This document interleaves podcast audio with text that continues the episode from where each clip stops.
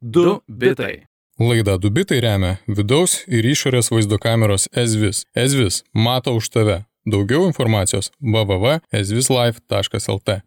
Sveiki, žinių radio klausytojai, jūs girdite laidą 2 bitai ir pirmą kartą su jumis 2022 metais sveikinuosi aš Jonas Lekevičius bei Aš Lukas Keraitis ir mes kalbamės nuotoliniu būdu ir kaip ir kiekvieną savaitę susitinkame apkalbėti svarbiausias, įdomiausias, geriausias technologijų naujienas įvykusias tą savaitę. Tik ši laida bus dar šiek tiek išskirtinė, kadangi naujieji metai, metų pradžia, nusprendėme apkalbėti šių metų, būsimų 22 metų tendencijas ir atlikti savo spėjimus šiems metams, o ne kalbėti apie naujienas, kurių naujametinį laikotarpį netiek ir daug. Tai labas Jonai, seniai matėmės praeitais metais. Ha, ha, ha. Jo, visai gerai, žinai, mes, sakant, sugadinsime visas naujienas būsimas ateinančių metų, iš, išpolinsime jas iš anksto, pasakysime viską, kaip nutiks ir tada vėliau galėsim tiesiog pasitikrinti, ar viską teisingai atspėjame. Taip, nedėkingas šiaip užsiemimas gyvenime yra daryti spėjimus. Aš tai dažnai mėgstu, jeigu turiu pašnekovus laidose, diskusijose, juos kartais suėsti už neteisingus spėjimus, tai dabar kažkas galės padaryti man po metų taip, jeigu padarysim neteisingai. Tai va, ir turime daug temų, kuriuose bandysime padaryti spėjimus. Jos kažkaip siejasi su mūsų paskutinėje laida, laida, kurioje bandėme aptarti 21 metus, e, kelias temas, kurios buvo dažniausios, svarbiausios. Tai 22-osiuose, matau, jos atsikartos, tik tais pasitengsim būti konkretesnė. Tai nuo ko pradedam, Jonai? Kuri geriausia čia ta tema? Na, savo praeitų metų apžvalgą mes pradėjome pastebėjimų, jog iš esmės pagrindinės toks naujienų šaltinis visą laiką ir dūsgesio visą laiką duodantis kiekvienai savaitai buvo kripto pasaulis. Ir aš nemanau, jog ateinantys metai dėja visiems žmonėms, kurie tai, kuriems tai yra jau atsibodusi tema ir nebenori girdėti žodžio NFT, dėja, manau, jog dar girdėsime šiais metais. Mhm. Manau, kad ir toliau skambės ypač NFT, nes kripto galbūt jau yra truputį labiau išsemta tema, tačiau NFT pasaulyje vis dar vyksta itin daug naujų dalykų. Manau, šiais metais bus keletas tokių didesnių naujienų. Tai visai tikėčiausi, jog OpenSea, didžiausia NFT prekyvietė, turbūt padarys savo IPO, tai yra akcijų listingavimą biržoje. Tai turėtų visai nemažai paspartinti visą dūsgesį. Coinbase, kita kriptovaliutų prekyvietė, jie jau kurias beveik pusę metų programuoja savo NFT pre prekyvietę ir tai reiškia, jog Galbūt mums visiems tai jau yra atsibodę, tačiau naujienų ir toliau bus. Aš manau, jog kripto dusgesys nesibaigs. Taip, ir aš manau, kad tai bus dabar ne vien tik apie kripto ir viskas darysis gerokai painiau, kadangi turime kitą karštą terminą Web 3.0, apie kurį būtinai kalbėsim kitais metais, bet žodžiai decentralizuota, autonomiška, liberalizacija, pačių valdoma, kai kalbėsime apie kriptovaliutas, apie interneto ateitį, apie blokčeiną, viskas persipins į vieną pusę, e, net ir meta visata toje visoje temoje kažkaip susilies, tai prieš porą metų gal kalbėjome daugiau apie kriptovaliutas, man atrodo dabar kalbėsime apie tai, kaip jos gali būti pritaikomos praktiškai, kuriant tas decentralizuotas ir kitokias platformas. E, man pačiam smalsu, kada šitą temą pasigaus e, politikai ir viešasis sektorius, kada jie galvos, na, kaip mes tai galime pritaikyti, kaip mes tą liberalizaciją galime pritaikyti sprendimų prieimimuose.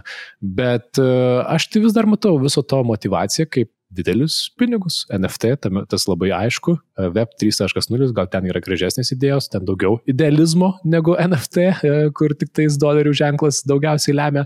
DAO, e, dar vienas terminas, kurį girdėsim kitais, man atrodo, metais visai nemažai ir spėju, kad bus įdomių praktiškų pavyzdžių, kaip DAO įvyks kitais metais. Manau, labai teisingai identifikavai dvi, dvi esminės priežastis, kodėl Web3, tas trečias internetas, bus tokia toks besipučiantis burbulas kitais metais, šiais metais jau. Um, viena yra tas politinė ideologija arba pradėjimas galvoti apie kažkokią decentralizaciją, bet taip pat ir dabar žmonės pradeda galvoti ne vien apie kuriejų ekonomiką, kur um, žmonės, kurie kuria turinį, ge, geba kurti aplink save kažkokią ekonomiką, bet ir tokį dalininkų ekonomiką, jog visi staiga tampa tam tikrų platformų bendrasavininkais ir kartu uh, ne tik kuria internetui, bet ir yra bendrasavininkai to būsimo interneto. Tai viena yra tokia politinė ideologija, bet kita, kaip teisingai įvardėjai, yra finansinės priežastis, nes esamos interneto kompanijos, jos galima sakyti, yra pasiekusios savo augimo sulėtėjimą. Ir žinoma, ir Facebookas, ir Twitteris, ir Instagramo, jie toliau auks, bet dabartinis augimas belieka praktiškai iš naujų interneto žmonių. Beveik visi likę interneto žmonės jau tenai yra, jau praleidžia labai daug laiko tenai. Ir jeigu bus kažkokios augimo sritis, tai tai bus naujose vertikalėse. Ir todėl, manau, galima tikėtis labai daug naujienų, kur bus investiciniai fondai sumeta šimtus milijonų į įvairius Web3 dalykus, naujas idėjas, naujas kažkokius protokolus ar dar kažką. Taip, nes jeigu kuri šiais laikais savo platformą, savo naują verslą internetinį, tai tau daug apsimokiau tuo pačiu paleisti ir savo kriptovaliutą, kuria vyktų visas veiksmas ir tu ją gali kaip centrinis bankas toje platformoje kontroliuoti ir, ir na, kai tarsi naujas verslo modelis iš viso to atsiranda. Meta visatos tema visai šalia, Web 3.0 galbūt yra toksai, na, inžinieriniai mokėjimo sprendimai internete, o meta visata vis dar yra toksai labiau idėjinis, toks žaidybinis elementas, interne, kalbama apie internetą. Aš tiesą pasakius, šiems metams iš meta visatos temos neturiu didelių lūkesčių. Man atrodo, išgirdome rudenį daug apie tai ir tam kartui viskas nuslūks, nes visgi tai yra tik tai idėja, tai yra vizija. Man kas yra įdomu, tai kokie pasirodys devaisai, tai yra įrenginiai šiais metais, kurie priartins tą meta visatos viziją, priartins mūsų patirtį internete, uh, ją sužaidybins, ją padarys įdomesnę, kas išleis kokius akinius pagaliau. Aš žinok, mąstau visiškai taip, kaip tu mastai. Pirma, manau, jog metų gale mes lygiai taip pat uh, sunkiai galėsim atsakyti tą klausimą, o tai kas yra ta meta visata, taip kaip dabar mes turime taip eiti pro aplinkui, nes dar niekas nežino, šitoks abstraktus terminas, kuris gali reikšti labai daug ką. Ir aš manau, jog metų gale tai nebus kažkiek aiškiau. Jeigu Facebookas e, išlaikys savo pažadą investuoti 10 milijardų, tai jie investuos tuos 10 milijardų, bet aš nemanau, jog nuo to staiga labai paaiškės, kaip atrodys mūsų interneto patirtis. Bet tikrai manau, jog bus žingsnis, ir aš taip pareflektavau, pagalvojau, turėtų būti kokybinis šuolis bendrai virtualios realybės arba praturtintos realybės um, produktuose, nes yra du produktai, kuriuo aš tikėčiausi. Pirmiausia, manau, šie yra tie metai, kai Apple pagaliau išleis savo virtualios realybės uh, akinius. Uh. Ir jeigu klausant gandų, tai tai turėtų įvykti kažkada rudenį, tai turėtų būti labai brangus akiniai, aš tikėčiausi nuo 2 iki 3 tūkstančių dolerių, ne 400 ar 500 kurių tikslas turbūt bus e, kuriejai, jog jie galėtų išbandyti savo būsimą ateitį iki tol, kol Apple išleis galbūt labiau įperkamus akinius. Bet tai reiškia, jog tai taip pat gali būti didžiulis kokybinis šuolis su labai aukštos kokybės ekranais ar panašiais dalykais. Ir tai taip pat siejasi su tuo, ką Facebookas yra pažadėjęs. Jų Project Cambria planuojamas turbūt šiais metais išleisti e, VR akinių modelis, kuris turėtų būti taip pat smarkiai brangesnis negu prieš tai buvę, tačiau didžiulis kokybinis šuolis tiek optikoje, tiek ekranų kokybėje. Kas irgi yra geros naujienos, nes na, turėsime kokybinį šuolį, o tikėkime, kad dar po kelių metų jie atpiks ir tada ta meta visata jau iš tikrųjų galėtų įvykti. Aš įsivaizduoju, kad kalbant apie ateinančius metus, e, galbūt žaidimų kuriai, pats Fortnite'as, kuris jau tą meta visatos viziją įgyvendina, darydamas, pardinėdamas bilietus į koncertus savo žaidimuose, galėtų judinti taip, na, tokią praktinę linkmę ir kažką su tuo daryti. E, be abejo, neatsiliepka įmonės ir visokie Microsoft ir kiti, kurie taikosi į verslus, galbūt jie kažką pagaliau pasiūlys, na, virtualius susitikimus ir erdvėje. Tai uh, geras klausimas. Galbūt eilinis vartotojas bus paskutinis, kuris pasieks tą, tą meta visatą, jeigu jis nebus gameris ir nebus uh, korporacijos uh, vadybininkas, kuriam duos akinius išbandyti sustikimui. Vienas iš pagalių šitame rate, kuris potencialiai įsikiš į mūsų naujos ateities kūrimą, tai mano vienas iš spėjimų būtų, jog šiais metais lustų stygiaus krizė dar nesibaigs. Jeigu klausant Intel vadovo Pat Gelsinger, jisai spėjo, jog krizė tęsis ir iki 2023 metų. Ir tiesą sakant, aš nematau priežasties, kodėl jis šiuo klausimu klystų. Manau, jog poreikis lustams toliau bus tik didesnis ir mes vis daugiau prietaisų visokių išrandame ir norime jų naudoti. Pajėgumų tvarkymasis e, vyksta, tačiau tai yra procesas, kuris užtrunka 2-3 metus taip akceleruotis ir įsibėgėti.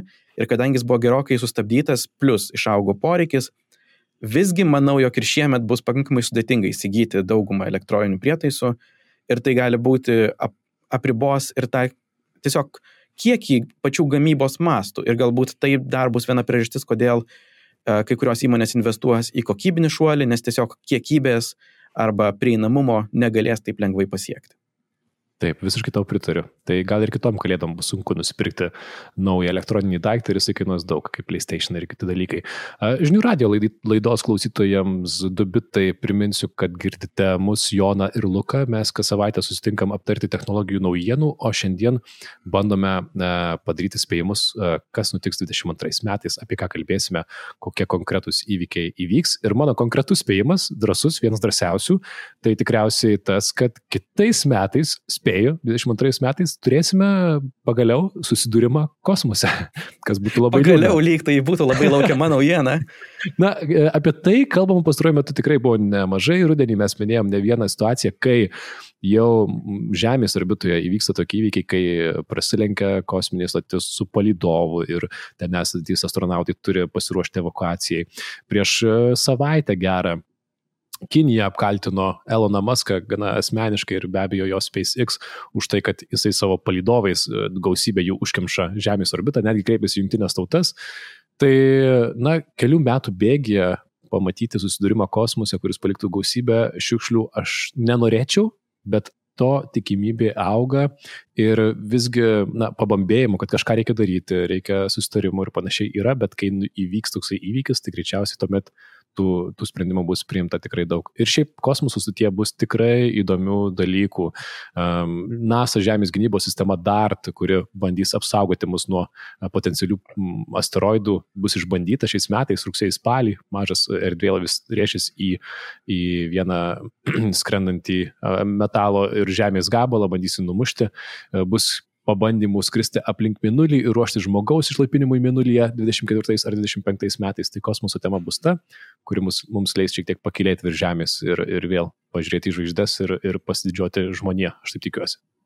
Šiuo klausimu bijau, jog tu turbūt esi teisus, manau, jog čia yra tiesiog laiko klausimas. Jei ne šiemet, tai kitais metais mes turėsime vieną iš tų susidūrimų, nes uh, taip smarkiai pingant satelitų ir šiaip naujų kažkokių dalykų iškelimo į kosmosą, atsiradus technologijai šiaip paleisti jų vienu metu labai daug, su visais cubes, kubiniais satelitais ir taip toliau, e, jau tiesiog daugėja smarkiai greitesniais tempais negu prieš tai.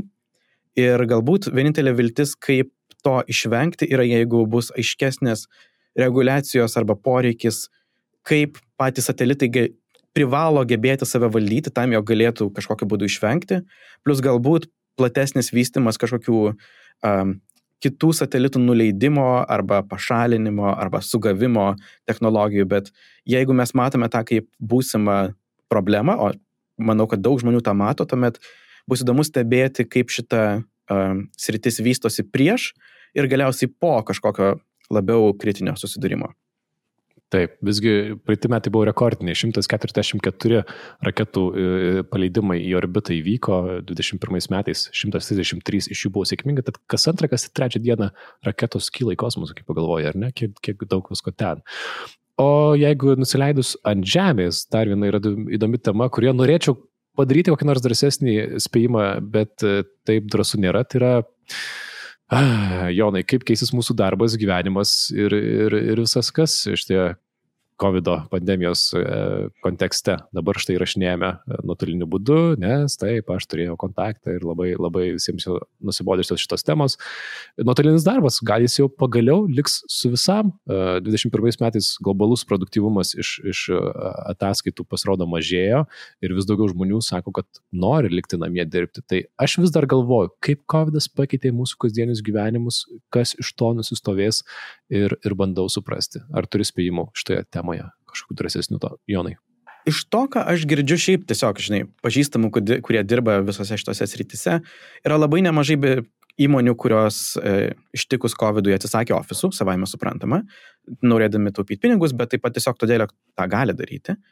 Ir tiesą sakant, neplanuoja vėl juos išsinuomoti, nes įsivažiavo per paskutinius metus gerai darbuotis, visi procesai susikūrė, kur iš pradžių, aišku, buvo lipdami iš tokių lopinėlių, bet ilgainiui jie tampa tradicijomis, kultūra ir pasikeičia galbūt metodai, kuriais dirbi ir nebėra didelio poreikio grįžti taip smarkiai tos ofisus, produktivumas atsistato ir viskas yra gerai. Ir aš manau, jog tokių įmonių, ypač kurios buvo išgyvenusios šitą transformaciją, tikrai nemažai ir liks nuotolinės, o naujoms bus naujas klausimas, kaip, kaip norime egzistuoti, nes yra akivaizdu, jog, taip sakant, ta tezė jau yra įrodyta, jog visiškai laisvai gali būti sėkmingas ir egzistuoti vienu nuotoliniu būdu. Ir vadinasi, tampa tiesiog sprendimas, ar, ar matai kažkokią didesnę naudą gyvo bendravimo ofise, ar tai yra tiesiog ne, nebūtinybė ir galima stupyti pinigus ir geriau pasamdyti papildomą žmogų. Taip, ir mes šiandien į socialinės temas, bet man visgi smalsu, ką dar kūrybiško padarys technologijų kompanijos, bandydamos na, spręsti darbuotojų trūkumo klausimą. Man atrodo, kad čia erdvės veikti tik, tikrai dar yra. Negali vilioti vien tik tais kažkokiais bonusais ar dar kažkuo. E, tuo pačiu gal kažkokie įrenginiai atsiras šitoje temoje. Nežinau, nežinau, kažką reikia daryti, nes dirbam nuotoliniu būdu, bet vis dar per lūštančius zoomus ir neveikiančius mikrofonus ir pusvalandį užtrunka, kol aš susijungiu šviesą, kad gražiai atrodyčiau. Tai darykit kas nors, ką nors dėl to, prašau. o... Na, galima pašnekėti dar apie vieną, žinai, technologijų kompanijoms. E, pernai labai smarkiai išaugusią temą, kuri nemanau, jog labai smarkiai nuslūks šiemet. Tai yra visų technologijų kompanijų reguliavimas, pradedant nuo socialinių medijų reguliavimų, kuris buvo labai smarkiai jaučiamas dėl viešosios erdvės pranešimų, tai yra kompanijom, socialinių medijų kompanijom, kaip Facebook arba Twitter. Um, praeitą savaitę kaip tik Facebook, Twitter užblokavo Marjorie Taylor Greene, tokios radikalios respublikonės uh, paskyrą, jog jos privatus puslapis nebegali skelbti nieko. Ir aš manau, to šie šiemet bus tik daugiau, nes artėja jei aš gerai seku kalendorių Amerikoje, tie midterms, tarp periodiniai rinkimai, vadinasi, bus smarkiai daugiau kažkokios e, noro viešai kažką skelbti, kažkokios mini kampanijos ir labai tikėtina, jog kadangi labai daug socialinės medijos remiasi bangomis, kurios vyksta Amerikoje, aš manau, bus e, žymiai daugiau kažkokių reakcijų ir, um, sprendimų, kaip socialinių medijų kompanijos pradės reguliuoti save, bei kaip politikai bandys iškelti tas reguliacijas. Pavyzdžiui, vienas iš spėjimų, aš manau, jog uh, turbūt labiausiai tokio jautrioj pozicijoje esantis socialinių medijų vadovas Mark Zuckerberg, kuris vienintelis praktiškai dar neatsisakė savo sosto, manau, jog jisai dar daugiau sluoksnių e, prisidėjęs tarp savęs ir kažkokio sprendimo apie turinio moderavimą, vien tam, jog žymiai mažiau galėtų jį kviestis į kongresą ir, ir jis turėtų kažkokią komisiją arba dar kažkokius uh, metodus, kaip jis galėtų atsijungti nuo to. Ir manau, jog socialinių medijų kompanijos pradės aiškiau komunikuoti reikalavimus, maždaug pasakykite mums, kaip mes turėtume save moderuoti, nes akivaizdu, jog kai kuriais atvejais gaunasi tiesiog kas garsiau šaukia, tas laimi. Taip, tas, tas klausimas iš esmės yra, už ką ir ką blokuos e, socialiniai tinklai šiais metais. Tikrai pritariu, kad jie tą darys drąsiau. Na, nes prieš metus buvo užblokuotas Junktinių valstybių prezidentas Twitter'e, Facebook'e ir kitur, tad, e, tad turbūt šitam klausimui jau nebėra. Galima daryti daugą. Jeigu pavyko užblokuoti tai ir, ir reakcijos buvo kartais net ir teigiamos, tai tų blokavimų tikrai daug. YouTube'as kaip griežtina savo taisyklės pastaruoju metu. Tai e, kas kelias savaitės, manau, sugrįšim prie šitų, šitų naujienų, pasakyti, kas o iš ką buvo kitas, užblokuotas Kitas reguliavimo aspektas yra tam tikros rinkų arba e, konkurencijos reguliavimas. Tai aš matyčiau du, uh, du konkrečius, dvi konkrečias problemas, kurios bus ryškios šiais ateinančiais metais.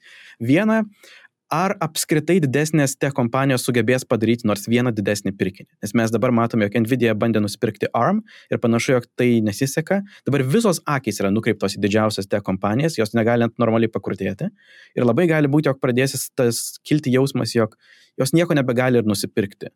Um, bet koks didesnis kažkoks konkurenciją naikinantis uh, pirkinys turėtų būti sutiktas reguliatorių piktų žvilgsnių ir gali būti, jog negalės iš to iš viso pajudėti. Ir taip pat, aišku, tai yra susijęs su tomis rinkomis, kurios sukuria pačios tech bendrovės, aš turiu menį programėlių parduotuvės, nes jau pernai mhm. buvo labai daug burbuliavimo tą temą. Aš nesitikiu didžiulių pokyčių, nes kol kas teismo sprendimai buvo ganėtinai naudingi tiek Apple, tiek Google atžvilgių, bet faktas, jog pasipiktinimas iš visų šalių pasaulyje turėtų tik stiprėti ir kažkuriuo metu ta lasda turi lūšti, ji negali visą laiką išlaikyti, nes mes kalbamės apie tą kuriejų ekonomiką, bet kuriejų ekonomika yra visiškai suvaržyta reikalavimų, kuriuos Apple ir Google iškelia programėlėms, kuriuose ta kuriejo ekonomika turėtų vykti, kuriuose kuriejai turėtų pardavinėti savo prenumeratas ir panašiai. Tad akivaizdu, jog tam yra labai labai daug įtampos, tiek su pirkimais, tiek su programėlių parduotuvų reguliavimu ir galbūt ta lasda lūž šiemet. Taip, Jonas šią temą labai akilai seka ir tikrai updatins mums viską, kas vyksta. Aš noriu atsigriepti su ne ką tiesmukiškesniu spėjimu, galbūt mažiau, bet kitais metais elektromobilių tema bus nuobodi. Nieko mes ten įdomaus ne, neišgirsim. Kažkas kažką pristatė. Kontroversiškai. Kažkas kažką pristatė, naujas automobilis, bet jeigu kažkas dirbate reklamos agentūros ir jie nori rašyti straipsnius, ar lietuviai persės į elektromobilius, tai žinokit, dar kitais metais susilaikykit, nes dar kitais metais nepersės. Šiuo metu elektromobiliai Lietuvoje sudaro tik tais vieną trečiąją dešimtadalį procento ir, ir jų yra labai mažai, o Junktinė karalystė tik tai 23, 30 metais atsakys iškastinio kūro automobilių, Junktinės valstijos 35, kitos dar vėliau. Tai man smagu, kad šiais metais elektromobiliai tampa jau bent kažkiek įdomesnė tema, bet laukiu 3-4 metų į priekį, kada galėsim kalbėti, oho, pasirodys štai toksai konkurencinis pranašumas, štai ką pristatė tie įdomaus. Bet Aš toje srityje laukiu dviejų dalykų. Pirma, laukiu tikrai pigaus, gero uh, elektromobilio, Tai yra ne, ne kažkokio mini varianto, kuris, bet kuris galėtų nuvažiuoti iš Vilniaus į Klaipadą ir kainuotų, tarkim, 30 tūkstančių. Taip, tai būtų didžiulis pasiekimas. Ir kitka, aš aišku, esu labai susidomėjęs visais uh, vairavimo, autonominio vairavimo algoritmais.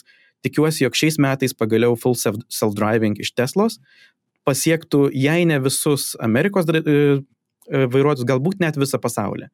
E, klausimas, kaip jie drąsiai norės e, išleisti šitą savo programą, bet jeigu tai įvyks, tai bus didžiulis žingsnis į priekį. Wow, net jeigu Junktinėse valstijose tai būtų jau būtų įdomu. Ir e, mes dar turim be abejo savo spėjimų, bet reikia prieiti prie paskutinio, nes jau laikas baigėsi. Tai ar dar geras laikas pirkti bitkoiną, ar negeras? Ir dabar pakalbėkime Jonai apie tai. Na ir mūsų laikas, jau laikas baigėsi. Plus mes netikime jokių finansinių patarimų. Aš manau, jog jeigu tai yra žmonėms techniškai įdomu, tai žinoma, bet tikėtis iš to turtų yra naivu. Jeigu tai nutinka, tai, tai nutinka. Valio, džiaukitės tuo. Taip, pajokavau. Bet nedėkit savo visų investicijų. Vienas daž, dažnesnių klausimų, kuriuos, kuriuos girdime apie technologijas. Uh, Tad tiek, tai buvo laida Du bitai, Lukas Keraitis ir Jonas Lekevičius.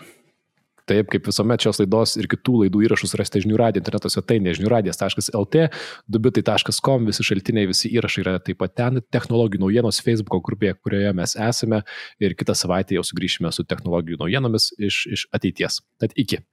Iki. Du bitai. Laida Dubitai remia vidaus ir išorės vaizdo kameros Ezvis. Ezvis mato už tave. Daugiau informacijos www.ezvislife.lt